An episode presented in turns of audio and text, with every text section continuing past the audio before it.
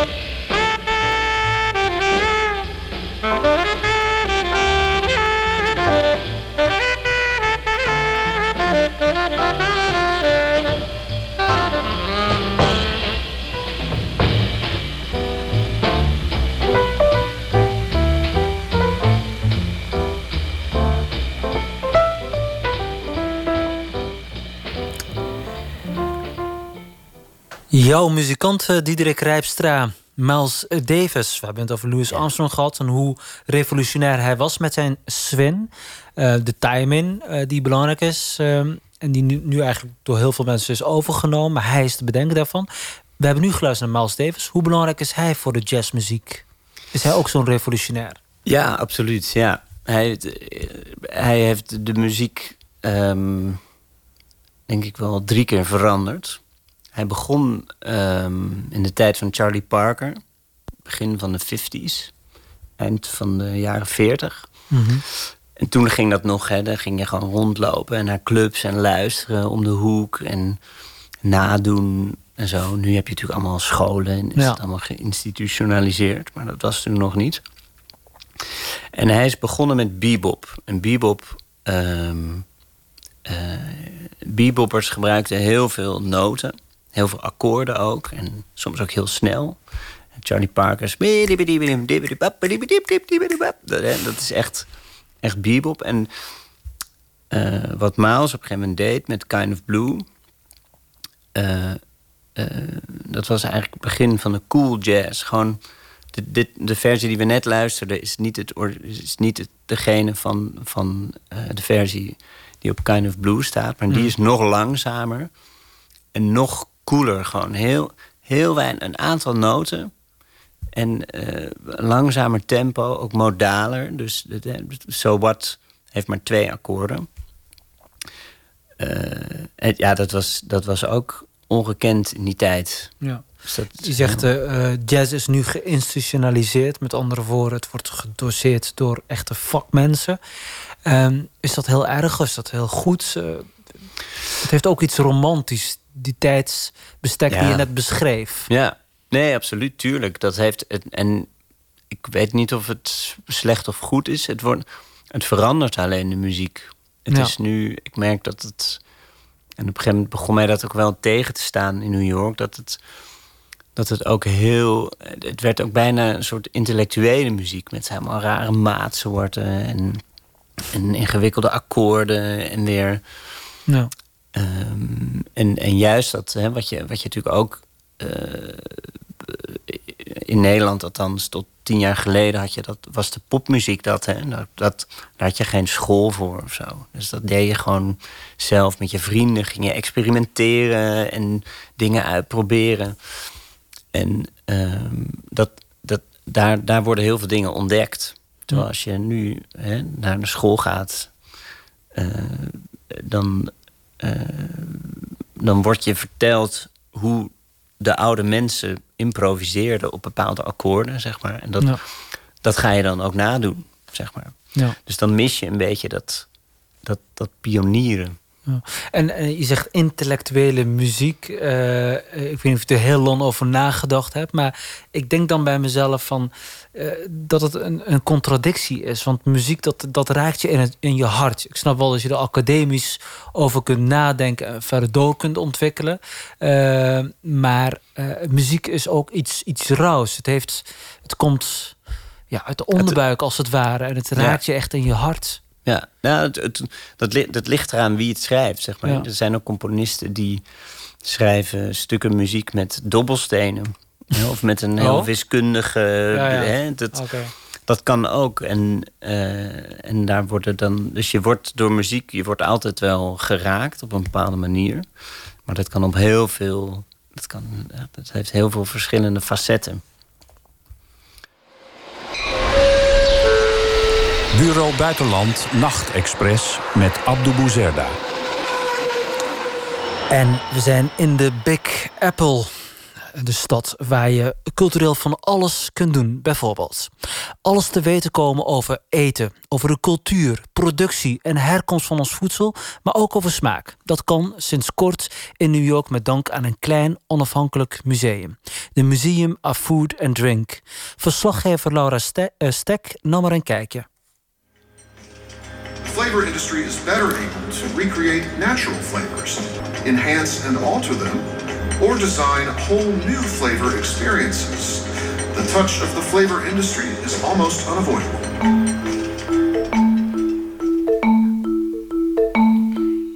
Er was een kleine battle aan de gang. Welke stad zou met het eerste voedselmuseum ter wereld komen? Londen of New York? Uiteindelijk openden ze een week na elkaar hun deuren. Blijkbaar is er dus behoefte aan zo'n museum. There has not yet been a museum on a large scale that takes on food from all perspectives, including economics and science and politics, uh, culture, history, uh, and does it in encyclopedic form. We kennen allemaal het plaatselijke kaas- of chocolademuseum. Met vrolijke werknemers in klederdracht. Maar een onafhankelijk allesomvattend museum over voedsel, dat was er nog niet. De ambities van het nu nog kleine MoFad Lab in Williamsburg zijn dan ook groot. Dit zijn hun voorbeelden. The MoMA or the Metropolitan Museum of Art or the American Museum of Natural History. That's not where we are yet, but that's where we are going. Dat zal nog wel even duren. Want als je niet gesponsord wil worden door Monsanto of Pepsi, dan is het best lastig. How much do you need? a lot of money. Kom binnen in een hele grote open ruimte. Er staat nog een auto. Dat is een garage geweest. This building used to be a parking garage and a storage space for building materials. So it is like the cliché American dream starting in a garage. That's right, yes. Dit is Pieter Kim, voormalig strafrechtadvocaat en nu conservator. Hij wil benadrukken dat het geen museum is voor foodies. Mensen die in extreme mate bezig zijn met gezond en verantwoord eten. There's no finger wagging here. If you eat Doritos, you belong in the museum as much as if you are at home making your own bread or like whatever. Het is wel opvallend dat bij uitstek de VS van de chloorkipnuggets, de extra large hamburgers en de literbekers cola een eerste voedselmuseum heeft. We, we have a major obesity problem in the US. But I think that the other side is that um, you can never talk about American food culture. American food culture is this and only this. I mean, people talk about barbecue as being American food, uh, but if my parents looked at barbecue, they would not consider that to be something they'd want to eat. My parents are Korean, and they are every much, you know, every bit as American as anybody else is. De Amerikaanse eetcultuur bestaat niet, zegt Kim. Toch hebben ze voor hun eerste expositie gekozen om de All-American ontbijtgewoonte onder de loep te nemen. Cornflakes. If you go into anybody's home, there's a box of breakfast cereal in their in their cabinet. Kellogg's or Yeah, exactly. There's a nutritious food. A food packed with wholesome wheat bran. A food that starts your day like no other. One life, one food, one great fiber provider. Kellogg's All Bran. Kellogg's cornflakes kent iedereen. Maar weinig mensen kennen het verhaal erachter. It started as a religious diet food as a cure for sexual urges. And so breakfast cereal was born out of that. What? So Je hoort het goed. Cornflakes zijn oorspronkelijk bedacht om mensen van hun seksuele behoeftes af te helpen. Het begon met de arts John Harvey Kellogg, geboren in Battle Creek, Michigan en bedenker van een verregaande dieettheorie. that movement believed that Americans were becoming morally corrupt and that part of that moral corruption was coming from the diet that they were eating. And so, in order to save people's souls, they needed to eat the blandest diet possible. And so, people like Kellogg's were serving people bland bricks of starch to eat. Als mensen maar een soort droge bakstenen zouden eten, dan zou de corrupte en obscene Amerikaanse ziel gered kunnen worden. Lekkere smaken waren dus uit den boze. This religious dietary movement thought that flavorful foods were part of the blame for why people were so immoral. And so there were increasing kinds of technologies that were invented, all with the goal of delivering bland food to people to fix their souls. Na een kleine zoekactie blijkt meneer Kellogg ook dit gezegd te hebben. Pure fenol op de clitoris is doorgaans een uitstekende methode om de abnormale lusten te onderdrukken. Een gezellige man dus, die Kellogg. He was an ideologue. He believed in the product. He wasn't trying to make money. His brother, however, was a businessman. Uh, his brother kicked out the original Kellogg Kellogg, de ideoloog, werd uit het cornflakebedrijf gezet. En Kellogg, de zakenman, zijn broer, zette het op de markt. Met groot succes. Het MoFat Lab heeft de machine die de eerste cornflakes produceerde hier opgesteld in de ruimte. I can show you the puffing gun. De zogenaamde puffing gun. Uh, it weighs around 3,200 pounds. It's pretty heavy duty. It heats up up to um, eight or nine kilos of ingredients at a given time, and in here, and the pressure builds. You can see a little pressure gauge here. Uh, it goes up to 200 pounds per square inch. So this goes to a lot of pressure, which is why it's so big. Er staat hier een enorme ijzeren apparaat. Met een, eh, wordt dus hele hoge druk, onder hele hoge druk wordt dan die cereal eruit gespoten. And then when you fire it, it goes boom. It just explodes cereal everywhere. Helaas kan deze mega popcornmachine avant la lettre niet aangezet worden. Na de presentatie werd het een symbool van de overvloed van Amerika. We're looking at a period during which Americans were generally very optimistic about the role of technology in food, and people loved machines and food. You know, people went crazy for it because it was like bam, bam, bam, cereal flying everywhere. Nu zijn we juist in een tijd beland dat er twijfel en sceptisch begint te ontstaan over het geïndustrialiseerde voedselsysteem. Maar we zitten er wel middenin. De tweede tentoonstelling in het MoFat Lab gaat daarom over de industrie die meneer Kellogg verafschuwde. De geavanceerde smaakbusiness. The flavor industry really fuels the entire industrialized food system. I mean, it, the industrialized food system could not be as successful as it is now without the flavor industry.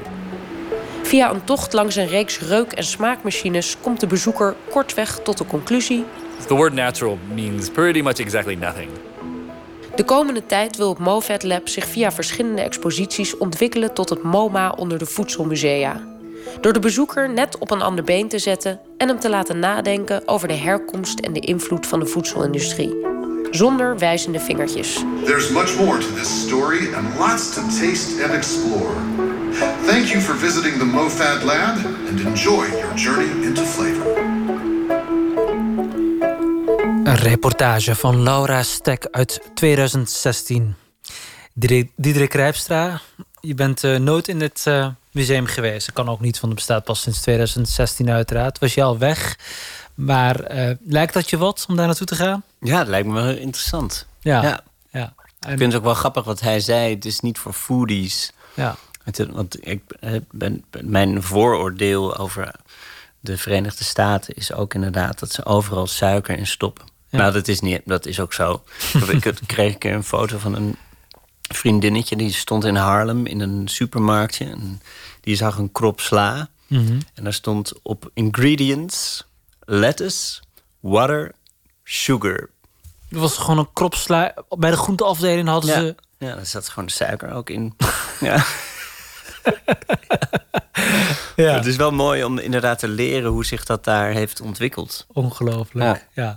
Eh, je kon natuurlijk niet naar een foodmuseum gaan... maar er is natuurlijk veel meer eh, te beleven op het gebied van musea. Ehm neem ons mee eh, naar jouw favoriete musea. Waar ben je geweest en wat raad je ons aan als we in die mooie stad zijn? Nou, je hebt natuurlijk eh, wat mij heel erg heeft aangegrepen is als ik dat was ook op die plek waar ik de brug afkwam, de Williamsburg Bridge. Ehm, in de Lower East Side heb je het Tenement Museum.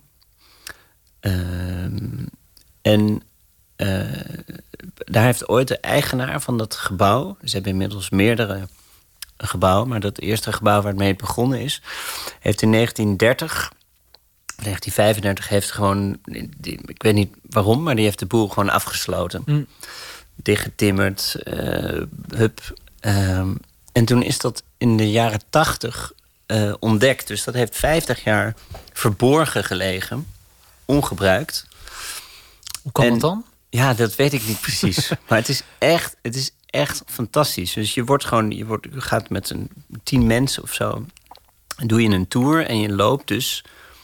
eh, je gaat echt die appartementen binnen, die dus gewoon eh, eruit zien alsof ze nou, echt gewoon 90, 80 jaar geleden zijn achtergelaten. En daar worden ook verhalen bij verteld van de mensen die daar ook echt hebben gewoond. En eh, Een soort van tijdmachine stap je in. ja, ja, echt. Ja, en het was ook geen pretje hoor, want er was ook helemaal geen elektriciteit. En je moest buiten naar de wc. En En je sliep met z'n vijven in een bed. En uh, ik bedoel, het was, het was... Wel lekker warm als je geen elektriciteit ja, ja, ja, hebt. Ja, maar het is natuurlijk voor je huwelijk niet zo goed. Als er drie kinderen op je hoofd slapen. Maar zo ging dat in die tijd. Ja. En, uh, maar dat heeft wel veel indruk gemaakt. En, en dat zit in de Lower East Side. En wat is de naam daarvan? Tenement, Tenement. Museum. Ja. Dat is één. Uh, dat is één. Mm Een andere is ook wel eentje die uh, met geschiedenis te maken heeft. En dat is het museum op Ellis Island. Daar werden, um, daar werden vroeger de migranten als eerste naartoe gebracht. Dus je staat ook in die hal waar iedereen aankwam en mensen werden gekeurd. En, en je ziet ook, echt honderd jaar geleden mocht iedereen komen. Mhm. Dus kwamen er mensen uit Napoli, die kwamen. Die, die... die, uh, eiland die wordt ook eh, deels verfilmd, verfilmd, geloof ik, in Godfather 2. De oh, bekende Corleone-migratieverhaal. Dat hij ja. daar. Uh... Ja, dat klopt. Ja. ja. En dus van alle, overal uit de hele wereld kwamen mensen daarheen. Mhm. En op een gegeven moment dachten ze natuurlijk van ja, ho, ho, ho. Dus toen kwamen er van die quota, zeg maar. En, um, en dat wordt steeds minder. Dus er worden steeds minder mensen toegelaten. En uh, nu, is het, nu is het vrij lastig om. Um, je kan wel tijdelijk. Het ligt er ook waar je vandaan komt. Maar tijdelijk naar Amerika. Maar het is lastig om daar gewoon heen te gaan en uh, te zeggen: nu blijf ik hier. Uh, dus dat is, dit museum is ook echt, echt wel de moeite waard. En dan heb je natuurlijk hele mooie kunst. Ja. Uh, Guggenheim is echt te gek. Ja. Heb ik een keer een heel mooi um, uh, werk gezien. Daar kwam je zo binnen, want het is, het is, um, het is een soort slakkenhuis. Mm. Dus je loopt zo als een soort slakkenhuis naar boven. Er zijn geen, is niet een trap, dus het gaat gewoon een. Je kijkt dus van boven ook helemaal zo naar beneden in dat gebouw. En uh, dan liep je daar binnen en kwam een heel klein meisje naar je toe, een jongetje, en die zei dan: What's your goal in life? en uh, ging je daarover praten. Zei: Come with me. En dan werd je, dus ging je zo omhoog en dan werd je daarna door een jongetje van acht. En toen een, uh, een meisje van vijf. de Amerikaanse arbeidswet werken, zulke ja, ja, dat ik, ja, ik weet of het was vrijwilligers, dat weet ik niet. Ja. Maar je eindigde dus met een heel oud mannetje ja. boven in dat slakkenhuis. Ehm, uh, over een gesprek over je leven en over zijn leven. Dat is echt heel mooi. Ja. Behalve musea is er ook in die stad uh, veel te beleven. Je hebt het over uh, nou ja, impulsieve, spontane jam sessies. maar het is ook een hele culturele, kunstzinnige stad. Dus er gebeurt ook heel veel in die informele sfeer. experimenteel dansen en, en noem het maar op. Want er komen heel veel creatieve geesten naar die stad toe. Wat heb je daarvan meegekregen? Ja, ik ben, je belandt soms op hele gekke plekken. en, uh, dus Noem eens zo'n hele gekke plek op waar je nou, in beland bent. Ik, ik, ging een keer mee met een vriend naar de, ehm, naar de Upper West, geloof ik, in een appartement. En dan moest je je eigen drank meenemen. En daar was dan inderdaad een, een een soort experimentele dansavond bij iemand thuis georganiseerd. En dat was een man met heel lang haar en zo'n. En, een, en ook een heel kaal hoofd, zeg maar. Dus dat was heel vies, vlassig haar. En die ging dan. Oh, die, die was al beginnend kaal of heel kaal ja, bovenkant dat was al best wel was lang haar. Ja. ja, En, um, en die ging dan uh, echt heel lang, heel, ja, heel experimenteel dansen en zo. En gooide zichzelf op de vloer. En dan was er een accordeonist die daar dan, heel mooi bij improviseerde. En, en ik heb zelf ook een keer gaf ik een concert met twee uh, vrienden die, uh, die wel een beetje in de improvisatie scene zitten. En vlak voor het concert toen zei Liz, de pianiste, die zei... Diederik, would you mind if I put on my crow's mask? crow's mask? Ja, ik, because I always play piano with a crow's mask on. ja, dus die pakte zo'n heel groot masker. Ja? Zo'n kraaienmasker, zo, met, met rode ogen en een grote zwarte neus. En toen en ze heeft de hele gig en ze gewoon met dat masker opgezet. Ja, dat zijn momenten dat je denkt van wauw, ja, dit gaat in Amsterdam dit, gebeurt dat niet. Ja, want nu maak je dat dus niet mee. Nee. Wist je niet New York? Ja, ja, Ja. Daarom, ik denk dat ik daarom ook eh, zo zat te huilen toen ik, toen ik die track hoorde van Frank Sinatra. Dat is, er is daar iets wat ik hier in Nederland niet vind. Ja. En, dat, eh, en dat mis ik zeker. Ja.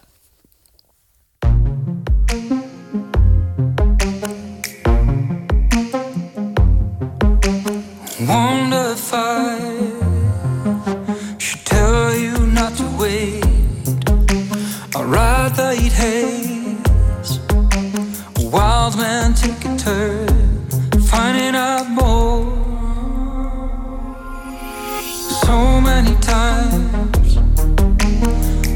for the break of dawn.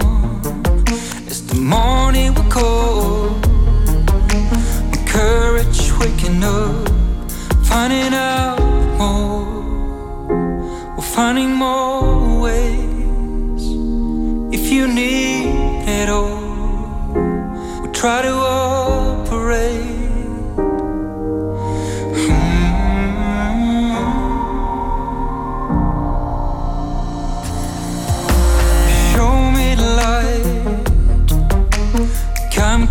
to the road where the cold never stays. A wild man, take it all. If you like you go far, run fast. But if you chase love, don't pass. Chances never built to last. I better run and chase. I'm finding out more,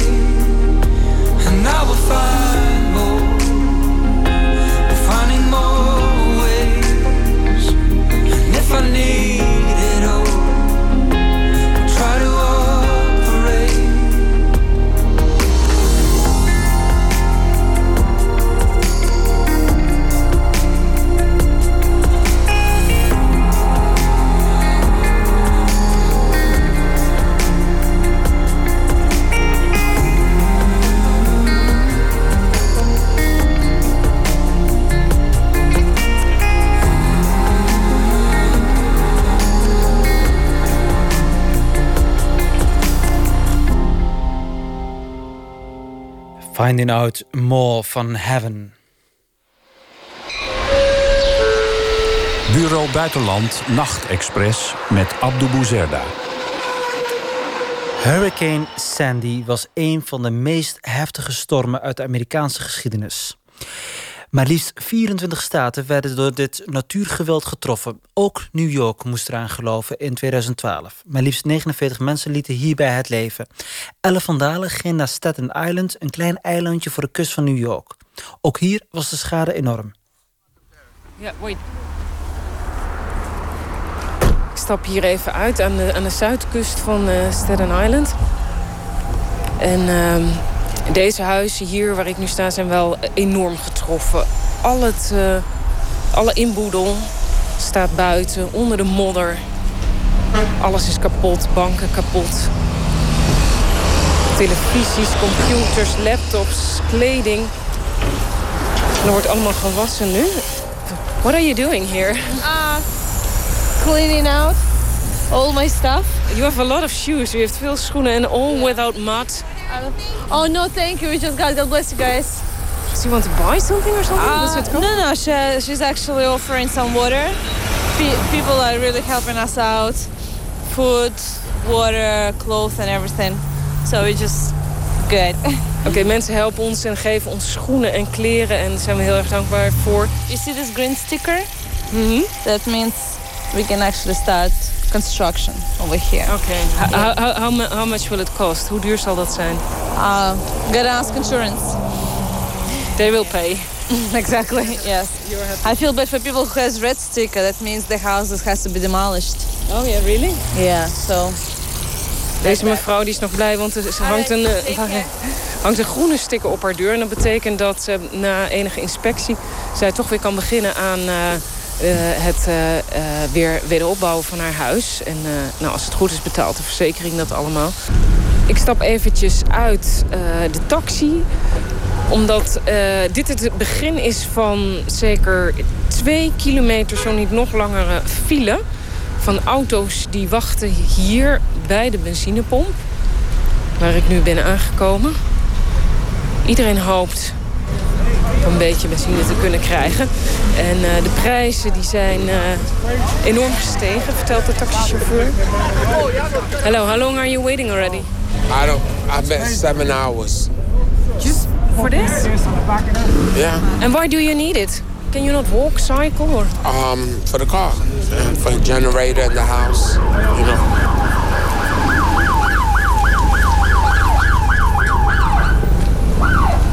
De hoek van de straat staan een paar auto's met eh, de achterbak open. Grote tassen met kleding. Water. Chips, snoep. En voedsel uit blik. Er wordt allemaal uitgedeeld aan de mensen die hier eh, dus opeens dakloos zijn geworden. You live here? Oh yeah, she's my daughter. She's my Do you daughter. live here? Yeah, I live here. And you, and you have nothing anymore? No, everything washed out. Everything in the water. U heeft een deken en wat handdoeken en een kussen om op de vloer te kunnen slapen. En eh, ze is alles kwijt, deze mevrouw. What's your name? To be put in the floor, so it's easy for me that you can sleep on the floor because I'm sleeping on the floor. Ja, you have no mattress. Ze heeft geen matras, dus nu heeft ze in ieder geval een kussen en een deken waar ze dan straks op kan liggen. En deze mevrouw is alles kwijt. Ze, heeft een, eh, ze wilde per se thuis blijven, vertelde ze. Want ze heeft een moeder die eh, gehandicapt is. En eh, nou, samen met haar kinderen bezig, eh, is hier. Maar haar hele huis is, is totaal vernietigd, zegt ze, door, door vooral het water. Ze is haar kleren kwijtgeraakt en, en al haar spullen. Een reportage van Elle van Dalen uit 2012. En in dat jaar, uh, Diederik Rijpstra, woonde jij ook in New York. Wat heb jij van die storm meegekregen? Nou, ik, ik moet eerlijk bekennen dat ik... Ik geloof dat ik vlak daarna naar New York ben gevlogen. Dat weet ik niet helemaal. Of ik, ik weet wel dat ik nog uit een raam keek... en dat er een gigantische boom over, over, drie tuinen ja. uh, was neergevallen. Ge, maar ik weet niet of dat Sandy was of niet. Mm. Maar ik ben uh, in ieder geval in de aftermath van Sandy... Uh, toen met mijn toen nog vriendin, nu mijn vrouw... Mm -hmm. um, naar Far Rockaway gegaan. Dat is het eindpunt van de A-train. En voor New York is een eiland. En daarvoor liggen ook nog allemaal eilanden. En Far Rockaway is een, moet je je voorstellen, een soort dam. Heel lang en dun. Uh, precies, zeg maar, richting het water. En uh, dat water was gewoon aan de ene kant erop gegaan... en aan de andere kant eraf, zeg maar. Dus de, de, de, overal lag zand en auto's op een kant. En het was één grote, echt één grote bende. Ja. En, uh, maar wat ik heel mooi vond om te zien... is dat daar, daar was een, een, uh, een plek waar... Uh, waar allemaal hulp werd gegenereerd, zeg maar. Dus je kon daar naartoe als slachtoffer. Zeggen van, hé, hey, ik woon daar. En mijn kelder ligt onder. Mm -hmm. Uh, en je kon er ook heen als vrijwilliger en zeggen van nou, ik, heb, uh, ik wil wel even helpen sjouwen, of ik heb nog chloor, of ik heb nog maandverband, of dit, of van alles. Hm. Heb jij ook meegeholpen? Ja, we zijn toen naar een paar huizen geweest. En één huis, Dat was, eh, dat was een, een, een man, dat was ook wel echt een hoorder. Dus die had echt een kelder met alleen maar spullen.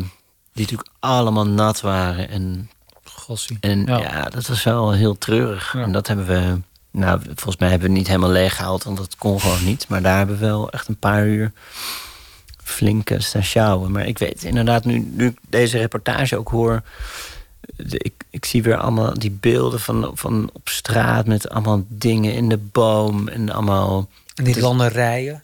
Wat zeg je? Die lange rijen. Ja, die lange rijen voor de, ja, voor de, voor de benzinestations, inderdaad. Het was echt eh mayhem. En het was ook een hele gekke periode, hè? want het was begin november. En een paar dagen later waren die verkiezingen die uiteindelijk door Obama gewonnen zijn. Ja. Ja. Ja.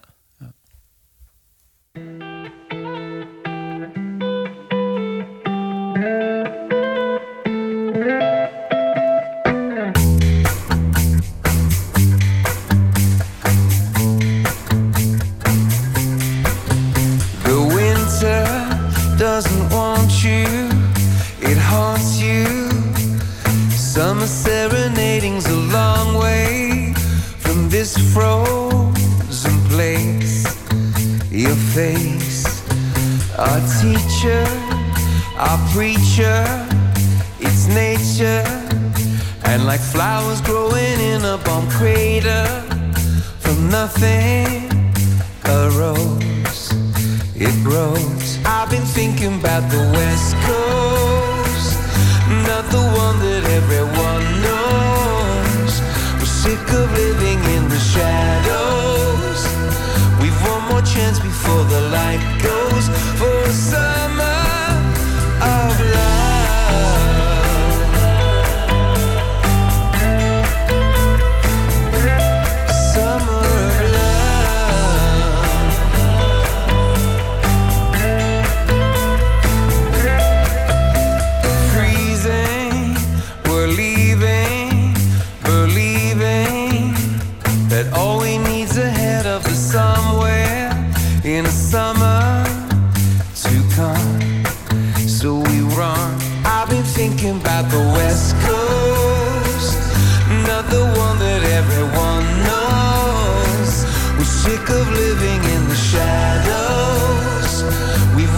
chance before the light goes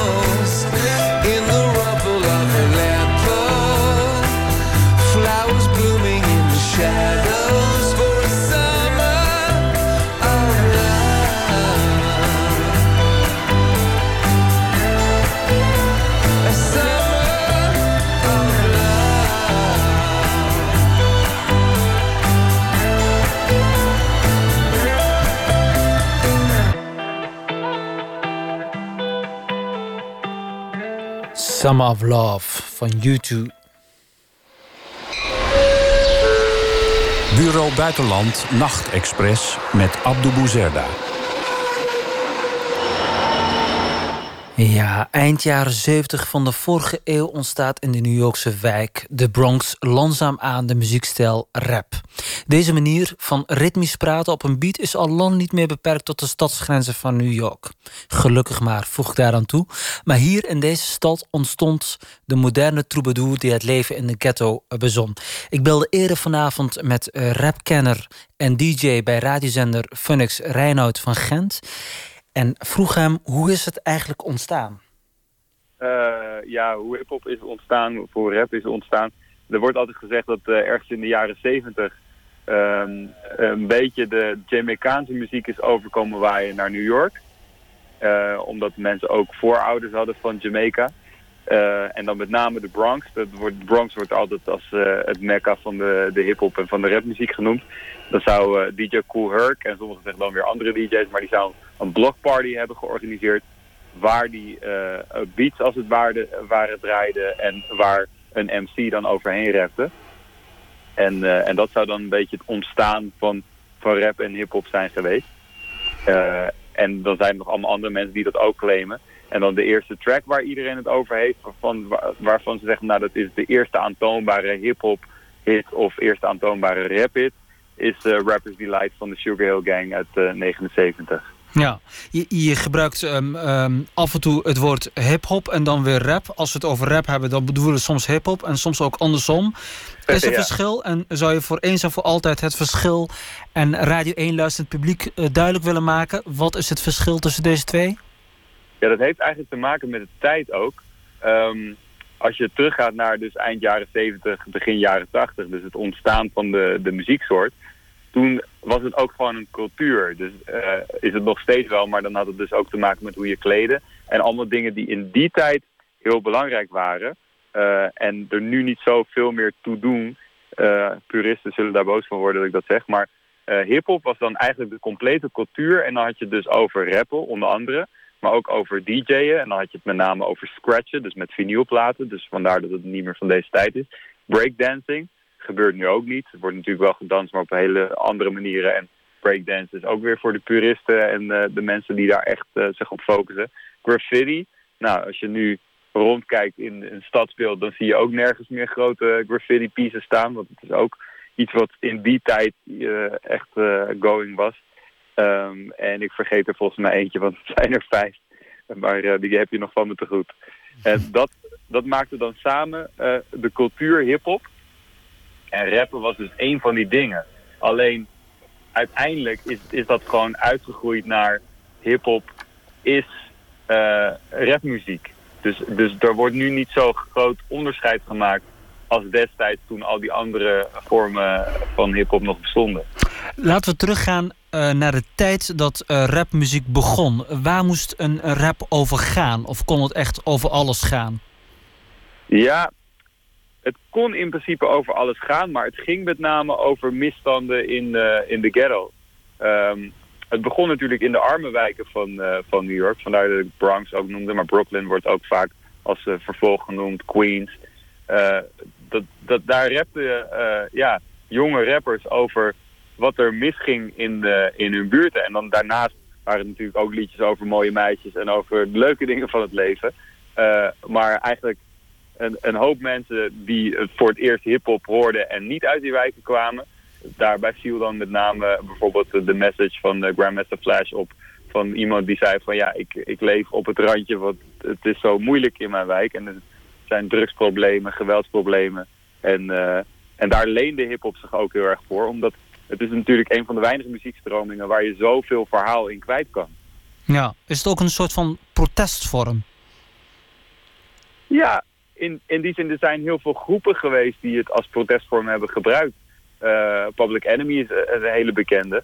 En, eh, en nog steeds is het eigenlijk een protestvorm. Ik bedoel, eh, Kendrick Lamar, die eh, net de Ziggo Dome heeft uitverkocht. Die, eh, of eh, net een uitverkocht concert heeft gegeven in de Ziggo Dome. Die, die gebruikt het ook en die, die heeft het ook over Trump en, en over andere dingen die nu in Amerika gaande zijn. Eh, het geweld van eh, de politie tegen met name eh, donkere mensen, eh, met name Afro-Amerikaanse mensen. Eh, dus, dus dat is het nog steeds wel. Het is alleen, het heeft heel veel vormen. Het is eigenlijk zoals je van rockmuziek ook niet kan zeggen dat het alleen maar één ding is.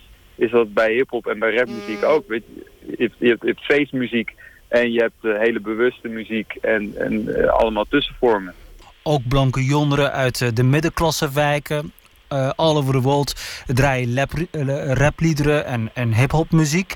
Ehm, maar ooit ehm, zat het wel in het verdomhoekje. Het was toch de stem van de mensen die zichzelf zagen als de onderdrukte. En vonden dat ze niet gehoord eh, werden. Ehm, of denk je dat nog steeds dat rap een beetje in het verdomhoekje zit? Ja, nou ja, wat ik kan vertellen als, als DJ is dat uh, onze hitlijsten, dus de, de hitlijsten van de jongeren die naar Phonics luisteren, altijd volstaan met hiphopmuziek. Als je nu kijkt naar de streamingdiensten, dan, dan ziet de top 10 er meestal ook uh, uit uh, als, een, als een lijstje voor hiphop liefhebbers. Um, in de albumcharts, top 30, staat Leo Kleine geloof ik ook alweer 30 weken vrij hoog. Dus wat dat betreft um, is het niet meer in het verdomhoekje. In die zin dat, dat je ook ziet de grote festivals gaan programmeren... dat, dat de massa het erkent als een, een, een muziekstroming... en er wordt heel veel geld aan verdiend tegenwoordig. Um, aan de andere kant is het natuurlijk wel heel lang zo geweest... dat radiostations uh, uh, hip-hopmuziek of rapmuziek weerden. Uh, zelfs stations als MTV vroeger in Amerika zeiden... wij gaan geen hip-hop clips draaien geen videoclips van hip-hop acts.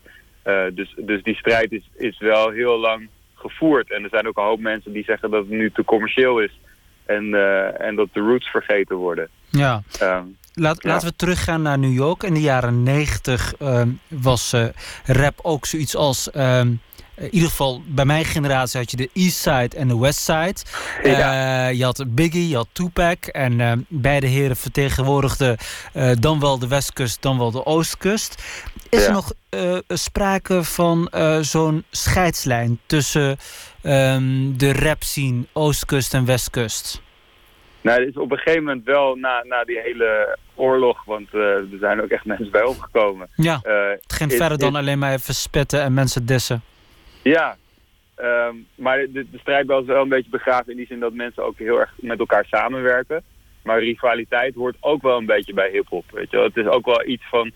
Je daagt andere artiesten ook uit als je ze niet goed genoeg vindt. Ja. Het is alleen in die tijd werden mensen letterlijk van het podium geslagen omdat ze uit een andere stad of andere buurt kwamen. Mhm. En, en dat is wel een beetje voorbij. Aan de andere kant um, zie ik wel bijvoorbeeld in Nederland dat mensen nu langzaam ook wel weer kampen vormen of zo. En, en dat is in Amerika ook wel zo dat je, je bent bijvoorbeeld fan van, van een New Yorkse rapper en dan kan het zo zijn dat je dan zegt van ja, ik hou niet van uh, rappers die uit het zuiden komen bijvoorbeeld, want die maken hele andere soorten muziek. Um, dus dus ja. er is nog wel een scheidslijn, maar het, het, is niet, het is niet meer zoals vroeger dat je echt uh, direct met elkaar op de vuist gaat omdat je bij een andere stad hoort. Ja, en uh, is New York nog steeds de rap capital, denk jij? Uh, moeten we nog steeds voor goede rap in New York zijn en misschien wel in de Bronx, daar waar het ontstaan is? Ja, nee, denk ik niet. ik denk dat Kendrick Lamar, die ik al noemde, die uit Compton komt, dus uh, zeg maar Los Angeles area, is, is een van de grootste op dit moment, die ook de meeste awards pakt. Um, ik ben naar het huis van Notorious B.I.G. geweest. Dus uh, waar hij ooit woonde uh, in de tijd dat hij nog leefde. Uh, en ik dacht dat dat een soort van mekka zou zijn in New York. En dat daar een museum zou zijn en zo. Maar er was helemaal niks. dus in die zin denk ik dat zeker in New York leest het nog heel erg. Weet je, er komen ook wel mensen op straat naar je toe die hun rap-cd aan je willen verkopen. Maar um, het, het is nu wel all over the place.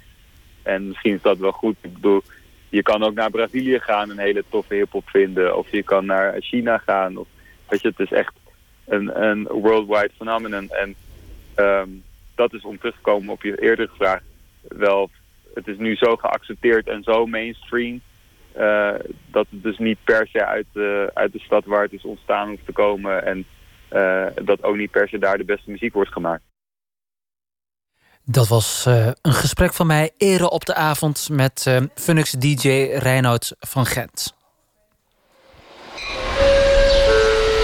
Bureau Buitenland Nachtexpress met Abdou Bouzerda. Ja, en uh, we lopen tegen het einde aan van deze uitzending. Um, met mijn gast, onze reisgids, travel guide Diederik Rijpstra. Uh, Diederik Rijpstra. Um, we gaan uh, zo luisteren naar een, een, nummer voor jou, The Living City, die jij gecomponeerd hebt. Dat moet jij eerst even inleiden. Dat lijkt me wel zo verstandig. Waar, waar gaan wij ja. zo naar luisteren? Nou, dat is de, de, de titeltrack van, van dat album, The Living City. En waar dat album eigenlijk over gaat, is over eh, de energie die je voelt op, eh, in dit geval in New York.